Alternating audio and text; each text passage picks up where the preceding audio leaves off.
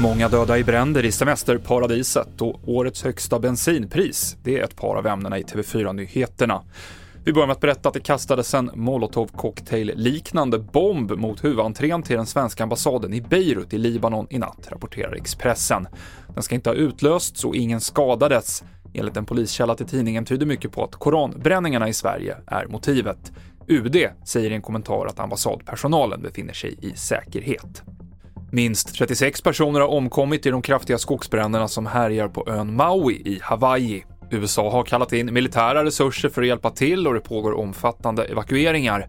Flera personer har räddats ur Stilla havet efter att de simmat ut i vattnet för att undkomma elden. Både priset på diesel och 95-oktanig bensin här i Sverige ökar kraftigt. Dieselpriset ligger på 24 kronor och 51 öre litern, den högsta nivån sedan januari. En liter bensin kostar 21 kronor och 4 öre och det är det högsta priset sedan november. Bakgrunden är att Saudiarabien och Ryssland meddelat att man begränsar sin oljeproduktion, något som lett till kraftigt stigande oljepriser. Elpriserna däremot, de har legat på ovanligt låga nivåer den här veckan. Skälet är att ovädret Hans förde med sig mycket vind och fyllde på vattenmagasinen, samtidigt som efterfrågan krymper när sommarvädret är svalare.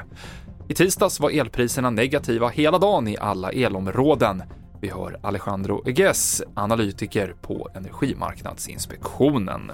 Vi fick eh, negativa priser i hela landet och hela dagen i, i, i, i samtliga eh, timmar. Det är något som vi har inte upptäckt tidigare. Det är något exceptionellt. Men eh, så länge att eh, och, och, och vädret eh, går bort, då kommer vi att få med normal nivå med elpriser. Lägre men positiva priser. Det avslutar TV4-nyheterna i studion Mikael Klintevall.